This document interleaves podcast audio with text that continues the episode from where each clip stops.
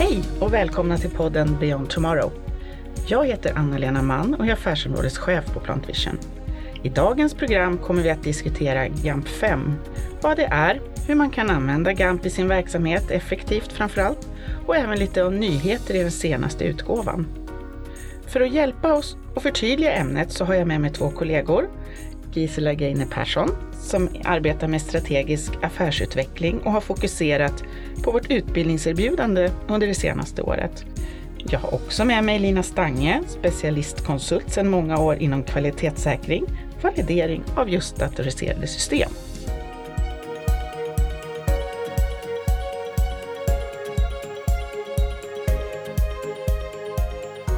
Välkommen Gisela! Tack, det här kommer bli intressant. Och välkommen Lina! Tack! Lina, vi börjar från början här. Vad är egentligen GAMP 5 och vad används det till? GAMP 5 står för Good Automated Manufacturing Practice och är en guideline som är framtagen av läkemedelsbranschen för att tillhandahålla effektiva verktyg för att skapa och upprätthålla patientsäkerhet genom ett systems hela livscykel. Så GAMP 5, det är inte ett regelverk? Nej, det är en, eh, en guideline och en verktygslåda för att kunna göra effektiva leveranser av system inom läkemedelsbranschen. Det är ju perfekt och jag tänker den här verktygslådan, vad, vad kan man använda den till eller vad, i vilka sammanhang? Eh, den innehåller metoder för implementering och validering av system, förvaltning av system och avveckling av system. Precis, och det där är en viktig fråga. Gäller det alla system som, som finns inom till exempel ett eh, läkemedelsbolag? Om jag tänker ett HR-system, när man har den informationen i som kanske skiljer det som finns i, inom produktion eller på labb? När det gäller de system hos en läkemedelstillverkare som kan ha en påverkan på patientsäkerheten. Så det gäller vissa system fullt ut och andra system, som ett HR-system till exempel, kanske har en utbildningsmodul där man har krav på sig att lagra information om medarbetarnas utbildning, medan andra delar av HR-systemet inte behöver följa de regelverken för läkemedel och därmed inte heller den här guidelinen. Okej, så det kan alltså skilja. Så en leverantör som säger att de har jobbat med ett läkemedelsbolag betyder inte alltid att det är ett system som, som lyder under regelverken? Nej, där måste man ta reda på vad de har levererat till ett läkemedelsföretag. Vad skulle du säga också som har den här erfarenheten sedan många år och är van att jobba enligt GAMP? Vad är den största vinsten med, med en gemensam guideline och eh, ett gemensamt språk? Den största vinsten som jag ser det är att leverantören förstår vad läkemedelstillverkaren vill ha och vilka krav som ställs på leveransen även om de inte känner till de bakomliggande regelverken. Eh, det finns också väldigt mycket bra metoder i GAMP 5 för att göra ett effektivt och fokuserat arbete där man gör det som behövs och inte massa onödiga aktiviteter. Ja men precis, för det vet vi ju att det är ju ganska omfattande när man ska ta in ett nytt system eller uppgradera ett system i det här. Vad skulle du säga är viktigast att fokusera på när man idag ska köpa in ett nytt system? Eh, när man ska köpa in ett nytt system så måste man ju ha en tydlig kravbild vad det är man är ute efter och man måste veta vad som är kritiskt i det system och de processer som systemet ska stötta. Eh, men med nya system är då, är det faktiskt, men det är många gånger man inte köper ett helt nytt system utan man, man kanske snarare uppdaterar ett befintligt system. Ser du stora skillnader där i om det är ett nytt system eller om man uppdaterar?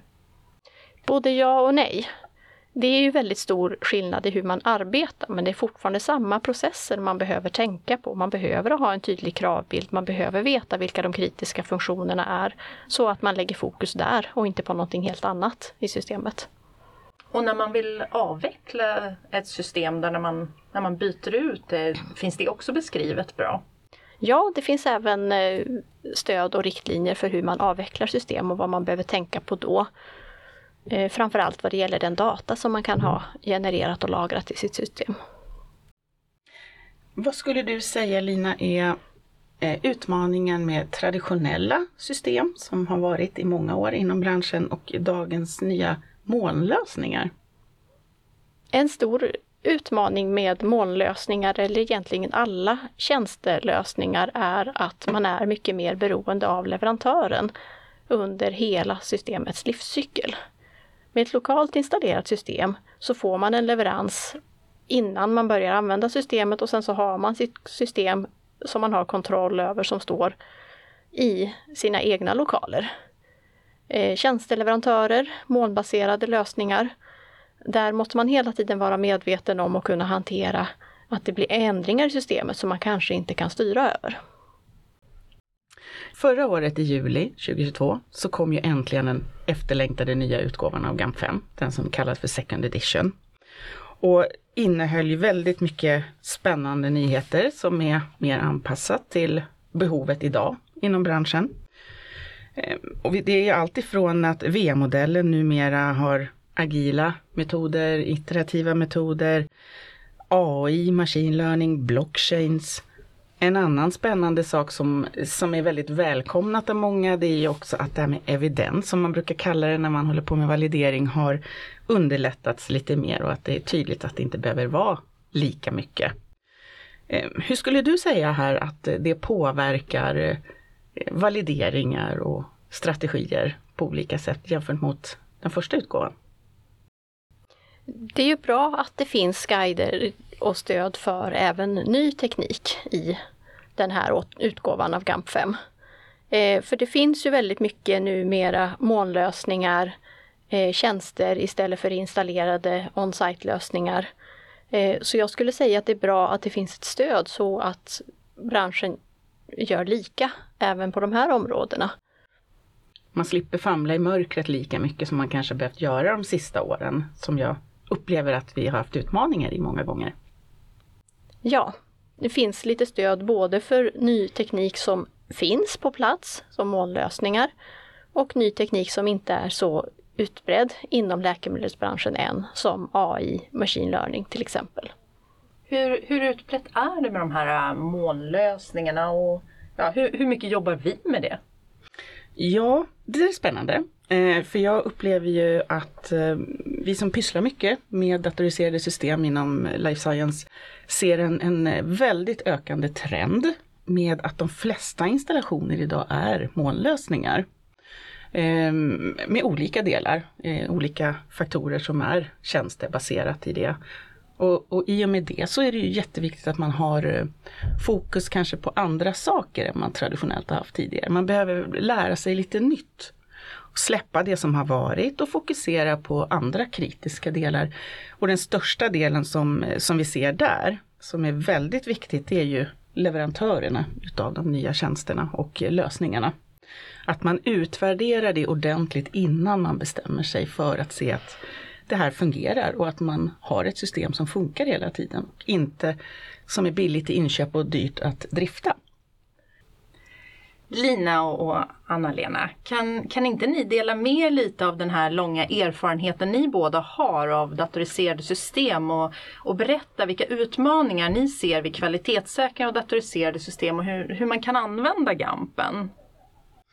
Ja men precis. Eh, det, det, är ju viktigt att man faktiskt ser GAMPen som ett stöd och ett eh, hjälpmedel i det här och inte att det försöker försvåra. Eh, många gånger kan vi ju se att man försöker att gena eh, istället för att jobba med en process som är, är tilltänkt. Man har en strategi helt enkelt och där är ju Gampen väldigt finurlig med att ha sina olika faser som Lina pratade om tidigare. Och en vanlig sak som, som vi ofta ser, framförallt när det är nya system som ska tas in, det är väl att eh, man kanske inte har satt sina krav tillräckligt eh, noga eller inte är överens inom sin egen verksamhet eller med leverantören av vilken nivå av krav det är och vad de egentligen betyder. Eh, och eh, startar ett eh, projekt helt enkelt utan att ha har definierat de här bitarna och säkerställt att man är överens. Eh, jag vet inte Lina, har du något mer där som du vill tillägga? Nej, jag håller med om att det är vanligt att just kravställningen antingen drar ut på tiden eller inte blir komplett. Ja, den kan ju ofta ibland bli alldeles för komplex också. Eh, så just att hitta rätt nivå är väl någonting som, som vi ser att man bör fokusera på. Eh, då blir allting mycket lättare framöver sen i hela projektfasen. Eh, någonting annat som är väldigt vanligt det är ju också att man, eh, man får fördröjningar i, eh, i själva projektet. Projekten drar ut på tiden, de blir komplexa just för att man lägger till mycket ändringar. För att man inte har varit överens i kraven innan. Eh, det får ju lite andra konsekvenser för gör man mycket ändringar så så kan det bli väldigt mycket dokumentationsuppdateringar och eh, förlängning av tid som gör att det tar mycket längre tid innan man kan börja använda sitt system. Ehm, det skulle jag nog säga är en av de absolut vanligaste delarna att man gör. Just för att man kanske har haft lite bråttom i, i kravfasen. En annan sak som jag tycker förekommer det är att man gör en riskbedömning men man vill inte riktigt ta konsekvenserna av riskbedömningen. Man vill gärna eh, säkerställa och kontrollera allt, även det som man har bedömt som mindre kritiskt. Och då har man inte fått den här fokus och effektivitet som man vill ha och som GAMP hjälper till med. Precis, att eh, ha koll på sina risker istället och vara medveten om dem. Eh, och att det, det blir en väldigt stark del. En annan sak som, eh, som också är väldigt vanlig, det är att man börjar närma sig eh, eh projektslut och har bråttom att implementera sitt nya system och eh, ibland kanske man inte har tänkt till riktigt på utbildningsdelen, att man ser till att mottagarna är eh, beredda och eh, kan använda systemet på tänkt sätt. Kanske till och med blir irriterade på systemet. Men även att man inte har en, en tydlig mottagare eller som GAMP säger en systemägare eh, som vet vad den får för ansvar framöver. Vad är dina reflektioner där Lina? Det är väldigt fördelaktigt om man kan ha med användare och även förvaltningsorganisationen redan tidigt i projektet. Dels så de kan få vara med och ställa sina krav som kanske övriga projektmedlemmar inte tänker på.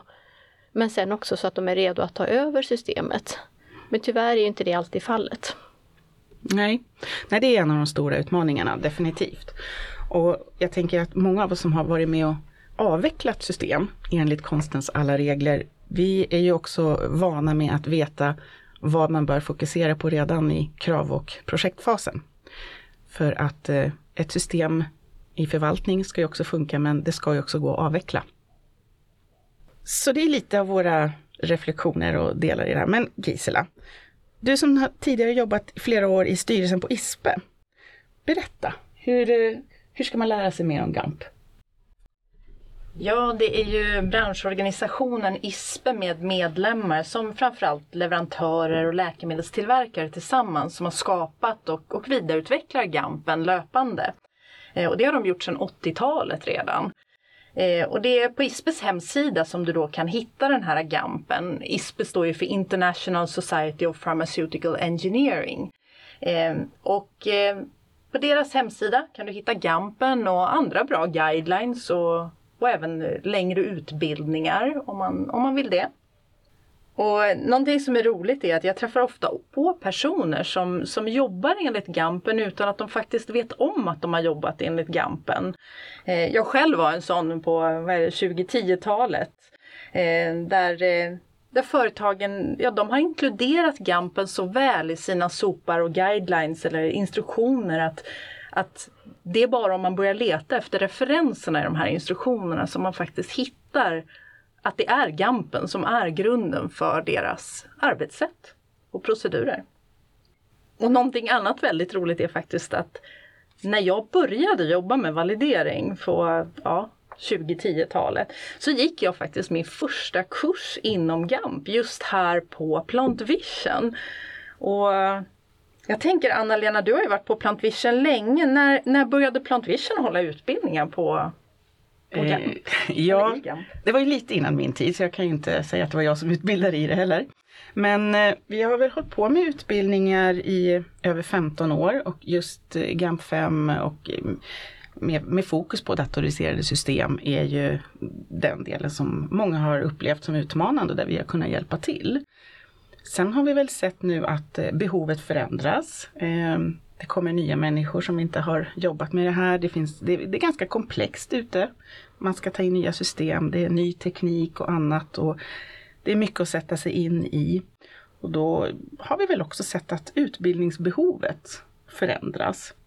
Ehm, det kanske inte är så att man alltid ska lära sig allt utan fokusera på, på vissa delar som man berörs av där. Så att det är en spännande del och därför vi vill förädla det. Ja men det är ju fantastiskt att alltså, det har varit ett väldigt högt tryck på de här utbildningarna sedan, vad sa du, 15 år sedan ungefär. Och det är fortfarande mm. ett högt tryck på det här. Man, mm. man efterfrågar kanske inte då de här äh, långa lärarledda som jag gick i åtta timmar i klassrum alltid utan ibland så är det mer kortare teorier och så vill man ha workshops där man integrerar eh, ens egna bekymmer i mm. själva ja, i själva utbildningen där det mer är en kollaborativ eh, eller samarbetsforum där man ser hur kan vi hjälpa företag att, att lösa problemen. Så det är inte bara en utbildning utan mer ett samarbete. Mm.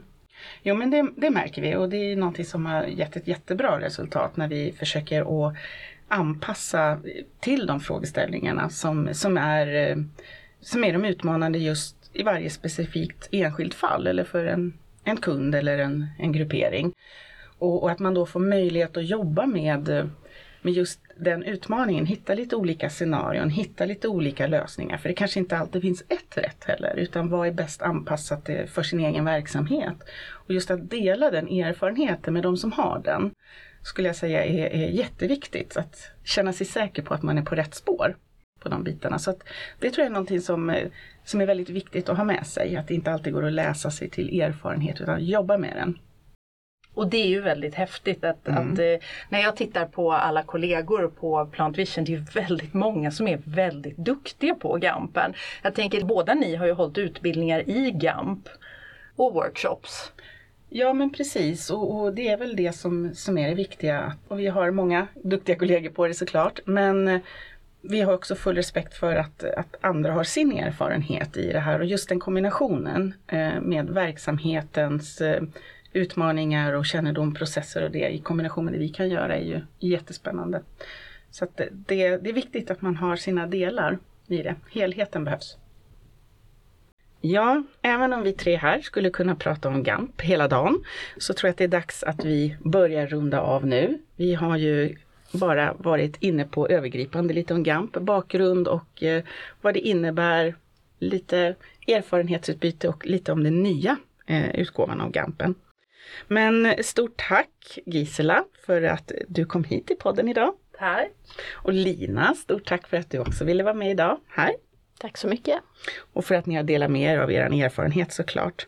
Men också ett stort tack till alla er som har lyssnat och vill någon av er höra mer om ämnet eller diskutera med oss eller någon av våra experter så kan ni hitta våra kontaktuppgifter på webben såklart. Men eh, jag hoppas att alla har fått lite mer inspiration att lära sig mer om GAMP och se värdet av GAMP idag. Stort tack igen!